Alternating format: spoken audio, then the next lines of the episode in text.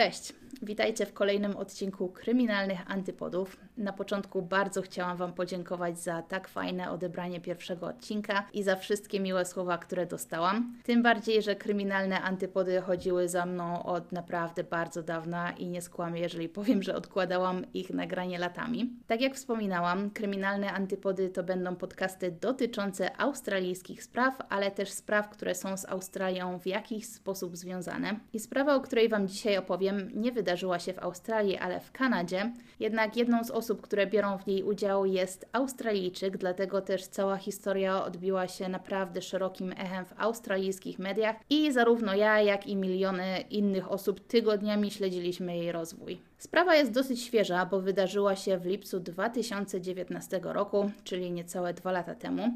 Lucas Fowler to 23-latek pochodzący z Hornsby, czyli jednego z przedmieść Sydney. Lucas jest bardzo wysoki, dobrze zbudowany, ma długie blond włosy, czyli taki typowy, stereotypowy Australijczyk, a jego największą pasją jest podróżowanie. I tak jak wielu młodych Australijczyków, w 2019 roku Lukas postanawia wyjechać do Kanady na program Working Holiday. E, w ogóle, jeżeli kiedykolwiek będziecie mieli okazję być w Kanadzie, to w wielu turystycznych miasteczkach e, będą Was zapewne obsługiwali nie młodzi Kanadyjczycy, tylko właśnie młodzi Australijczycy. I Lukas miesiące australijskiej zimy postanowił e, właśnie spędzić w Kanadzie, pracując na ranczu, pomagając przy znakowaniu krów i bizonów. Lukas ma także dziewczynę pochodzącą z Karoliny Północnej w Stanach Zjednoczonych, China Dees, z którą poznali się dwa lata wcześniej w hostelu w Chorwacji i razem zwiedzali Europę i Azję. China jest rok starsza od Lukasa, ma 24 lata i tak jak Lukas kocha podróże, ale poza tym kocha pomagać innym, dlatego często letnie miesiące spędza jako wolontariuszka na obozach dla młodzieży z niepełnosprawnościami. Zresztą swoją karierę też wiązała z pomaganiem innym i skończyła studia licencjackie na kierunku psychologii. Para jest w sobie niesamowicie zakochana. Ich bliscy nie mogą się nadziwić, że wychowani w tak różnych kulturach Lukas i China tak dobrze się dogadują. Matka Chiny obawia się nawet, że dziewczyna może zdecydować się zamieszkać z Lukasem w Australii. W lipcu 2019 roku Lukas postanawia wziąć wolny z pracy i razem z Chainą wybrać się na kilkutygodniowe wakacje. Kupują w tym celu niebieskiego campervana marki Chevrolet e, i chcą nim przejechać całą Kanadę drogą Alaska Highway. Alaska Highway to jest taka bardzo popularna, bardzo malownicza droga, która prowadzi przez kanadyjskie prowincje, właśnie od południa Kanady aż po Alaskę i właśnie Alaska była celem pary. Co ciekawe, Alaska Highway jest także znana jako Highway of Tears, czyli autostrada łez, bo wzdłuż tej drogi przez lata przepadały bez wieści kobiety, więc jeżeli jesteście e, zainteresowani tym tematem, to jest e, kilka podcastów, kilka filmów na YouTubie, więc e, możecie je sobie wygooglować. 6 lipca matka Czajny zawozi ją na lotnisko. Dziewczyna ma ogromny bagaż, bo zapakowała do niego także buty robotnicze, które miała zawieźć Lukasowi, ponieważ jego buty, w których pracował się rozpadły. I podróż ma trwać 3 tygodnie, a bilet powrotny China ma kupiony na 31 lipca i tą właśnie datę zaznacza czerwonym kółkiem w swoim kalendarzu. Trochę ponad tydzień później, czyli w sobotę 13 lipca, China dzwoni do matki i podekscytowana opowiada jej o podróży.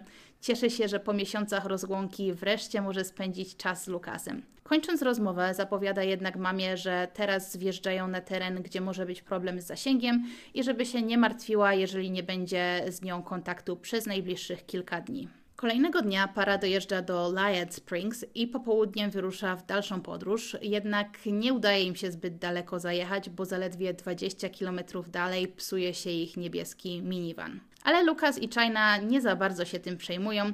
E, wyciągają z samochodu składane krzesełka, siadają na poboczu drogi i urządzają sobie tam mały piknik. Para jest w dobrych humorach, popijają mleko czekoladowe, jedzą ser z krakersami i pozdrawiają mijające ich auta. Państwo Broughton, którzy także mijają Luka i China, zatrzymują się przy nich i chcą zaoferować im pomoc, ponieważ pan Broughton jest z zawodu mechanikiem. E, jednak po krótkiej rozmowie Lukas zapewnia go, że wszystko jest jest pod kontrolą i sam doskonale wie, jak naprawić samochód, po czym państwo Broughton wsiadają z powrotem do swojego auta i odjeżdżają.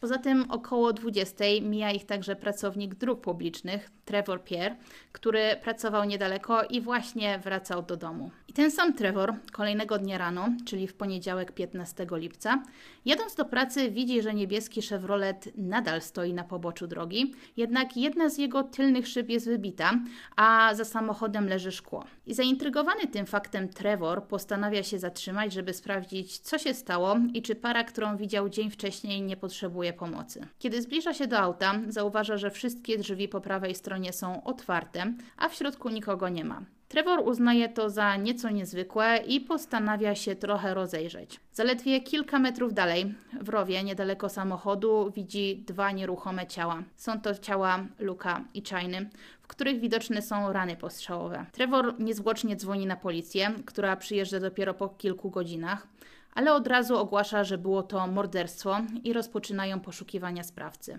Policja apeluje szczególnie do wszystkich, którzy mijali parę siedzącą na poboczu drogi i prosi, aby każdy, kto zauważył coś niezwykłego, zgłosił się na policję. Szczególną prośbę wystosowano do wszystkich, którzy w samochodach mieli kamery, albo te mogły przypadkowo nagrać sytuację lub nagrać samochód, który mógł być ze sprawą powiązany. Dosyć szybko na policję zgłasza się świadek, który poprzedniego wieczoru widział parę kłócącą się ze śniadym, brodatym mężczyzną w czapce, koło którego stał szary samochód. Policja sporządza jego portret pamięciowy i rozpoczyna poszukiwania. Zaledwie kilka dni wcześniej, czyli 12 lipca, z małego miasteczka Port Alberni na wyspie Vancouver w Kolumbii Brytyjskiej w podróż wyrusza także dwóch przyjaciół. 19-letni Cam MacLeod i 18-letni Briar Śmigielski. E, prawdopodobnie to jest nazwisko polskiego pochodzenia, ale ma ono angielską pisownię, więc tutaj nie umiem Wam powiedzieć, jak wygląda jego historia.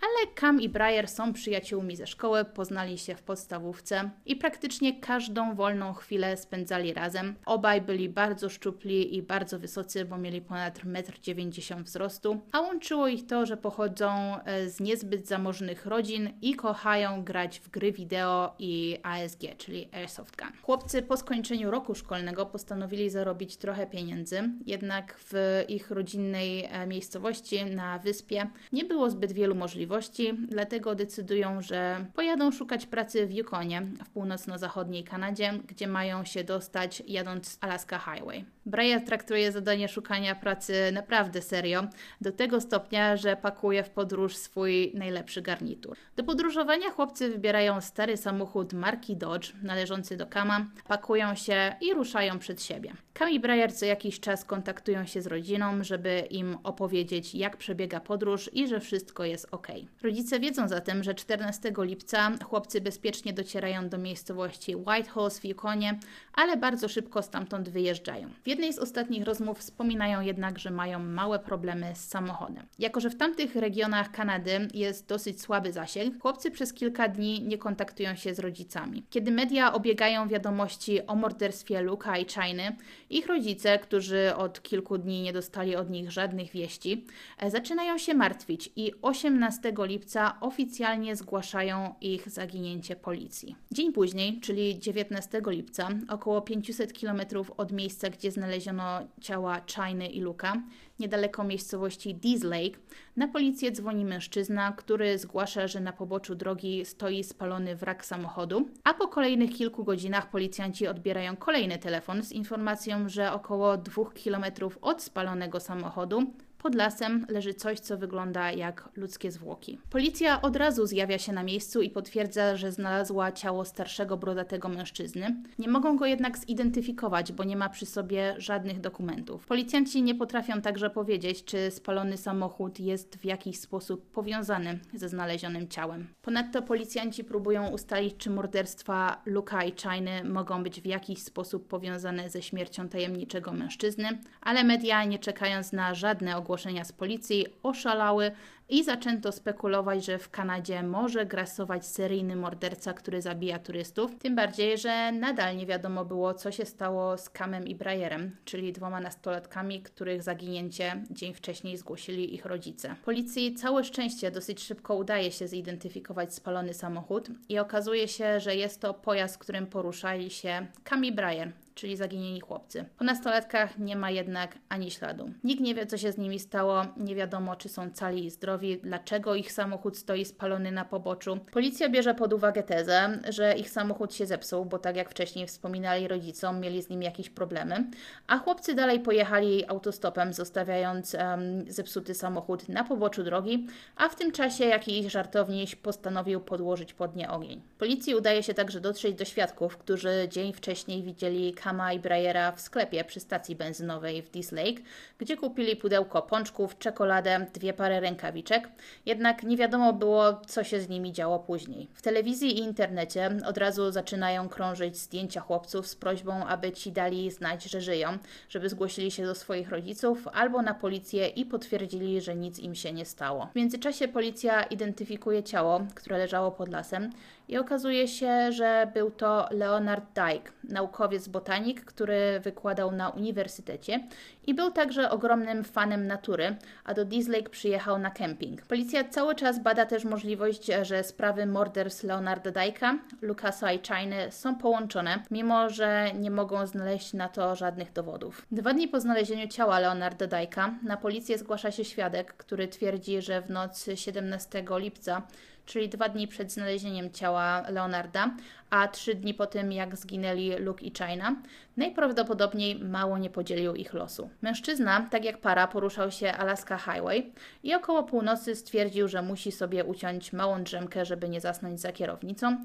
i w tym celu zatrzymał się i zaparkował samochód na poboczu. Po około pięciu minutach, kiedy mężczyzna układał się już do snu, minął go samochód, który zatrzymał się jakieś 30 metrów przed nim i ze strony pasażera wyskoczył z niego mężczyzna ze strzelbą, który poszedł w kierunku pobliskiego lasu. Mężczyzna nieco się zaniepokoił, dlatego zaczął obserwować, co się dzieje i zauważył, że kiedy osobnik ze strzelbą doszedł do linii drzew, odwrócił się i zaczął się skradać w kierunku jego samochodu, a zaparkowany samochód na wyłączonych światłach zdawał się powoli podjeżdżać w jego stronę. Przestraszony mężczyzna odpalił swój samochód i odjechał, a kiedy chciał się przyjrzeć kierowcy drugiego pojazdu, ten zasłonił sobie twarz ręką. Przez cały czas trwają też poszukiwania zaginionych nastolatków Kama i Brayera, a wszyscy boją się, że mogli oni podzielić los poprzedniej trójki. Przełom następuje 22 lipca, kiedy policja dostaje zgłoszenie od kogoś, kto twierdzi, że widział Kama i Brayera, kiedy ci zatrzymali się po paliwo na stacji w Meadow Lake w północnym Saskatchewan, prawie 1500 km od miejsca, gdzie znaleziono ich spalone auto. Co ciekawe, chłopcy prowadzili srebrną Toyotę RAV4, czyli dokładnie takie samo auto, jakim poruszał się Leonard Dyke. Okazuje się zatem, że chłopcy wcale nie zaginęli, a na dodatek są najprawdopodobniej brakującym ogniwem między trzema morderstwami. Dlatego policja praktycznie od razu wydaje za nimi list gończy z oskarżeniem o morderstwo drugiego stopnia. Jednak zaledwie kilka godzin po wypuszczeniu listu gończego, niedaleko miejscowości Gillem w prowincji Manitoba, czyli około 1800 km od miejsca, gdzie znaleziono ciała, Myśliwy natrafia w lesie na spaloną Toyotę RAV4 i była to ta sama Toyota, której używali Cam i Breyer. Od razu rozpoczęto poszukiwania McLeoda i Śmigielskiego.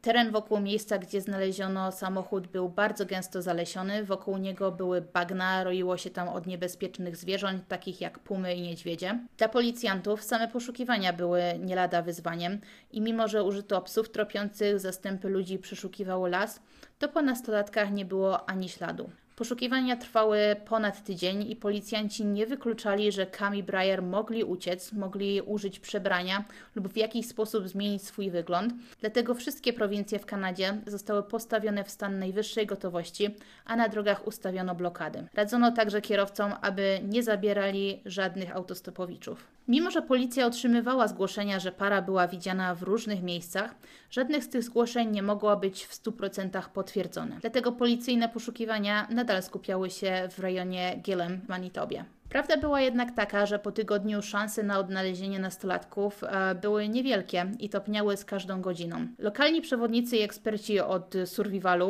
e, podejrzewają, że Cam i Briar mogą już nie żyć, że mogli zostać zaatakowani przez niedźwiedzie, ale dużo bardziej prawdopodobnym było to, że nieprzygotowani na takie warunki chłopcy zostali żywcem zjedzeni przez owady albo zatruli się wodą.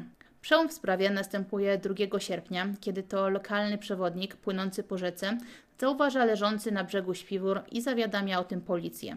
Policjanci zaczynają przeszukiwać to miejsce i okazuje się, że w promieniu kilkudziesięciu metrów leży sporo przedmiotów, które z dużym prawdopodobieństwem należą do Kama i Brajera. Ponadto kolejnego dnia policjanci patrolujący teren z powietrza zauważają przedziurawioną metalową łódkę. Mimo, że teren jest dosyć niedostępny, to zastępy policji nie przestają go przeszukiwać. I 7 sierpnia, około kilometra od miejsca, gdzie znaleziono łódź, natrafiają na ciała MacLeoda i Śmigielskiego. Przy ciałach nastolatków policjanci znajdują aparat, który ci ukradli Leonardowi Dajkowi, a na karcie pamięci jest kilka zdjęć oraz filmów, w których Cam i Breyer przyznają się do zamordowania całej trójki i zapowiadają kolejne morderstwa. Mówią także o swoich planach, w których mają się dostać nad leżącą niedaleko Zatokę Hudsona. Mieli zamiar porwać łódź i przepłynąć e, nią do Afryki lub Europy. Jest tam także wideo, w którym Śmigielski i Maglaud mówią, że nie są w stanie przejść przez rwącą rzekę i dalej uciekać. Dlatego postanawiają się ogolić, wrócić na drogę, zabić jeszcze kilka osób, a następnie popełnić samobójstwo.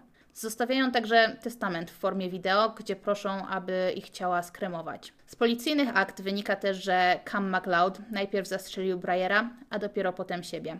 Nastolatkowie nie pozostawili jednak żadnych informacji o tym, dlaczego zrobili to, co zrobili. Jednak z relacji ich znajomych wynikało, że Breyer od dawna uwielbiał brutalne gry komputerowe ze strzelaniem i czasem pytał znajomych niby żartem, jakby to było strzelać do prawdziwych ludzi. Poza tym był też zapalonym graczem ASG, czyli Airsoft Gun, e, gdzie strzela się replikami broni, a po internecie krążyły też jego zdjęcia w mundurze wojskowym z nazistowską opaską na ramieniu, i flagą na ścianie, dlatego wiele osób właśnie w tych elementach upatrywało się rozwiązania zagadki. Jednak to, jak było naprawdę, wiedzą tylko Cam i Breyer, a swój sekret zabrali do grobu. Jeżeli chodzi o te nagrania z kamery, na których MacLeod i Śmigielski opisują swoje czyny, to nie zostały i nie zostaną one nigdy nigdzie opublikowane, ponieważ Cam i Breyer na to właśnie liczyli i chcieli dzięki temu zyskać pośmiertną rozpoznawalność i sławę. Poza tym policja boi się, że ich upublicznienie mogłoby przyciągnąć naśladowców, dlatego podjęto decyzję o ich utajnieniu. I to już tyle na dziś. Dajcie znać, e, czy słyszeliście wcześniej o tej sprawie. A poza tym zapraszam Was na mój kanał na YouTubie Joanna Struzik, gdzie możecie posłuchać o tym, jak wygląda życie w Australii. Zapraszam Was też do obserwowania na Spotify, zostawiania opinii na Apple Podcast oraz zaobserwowania mnie na Instagramie. Słyszymy się w kolejnym odcinku. Cześć!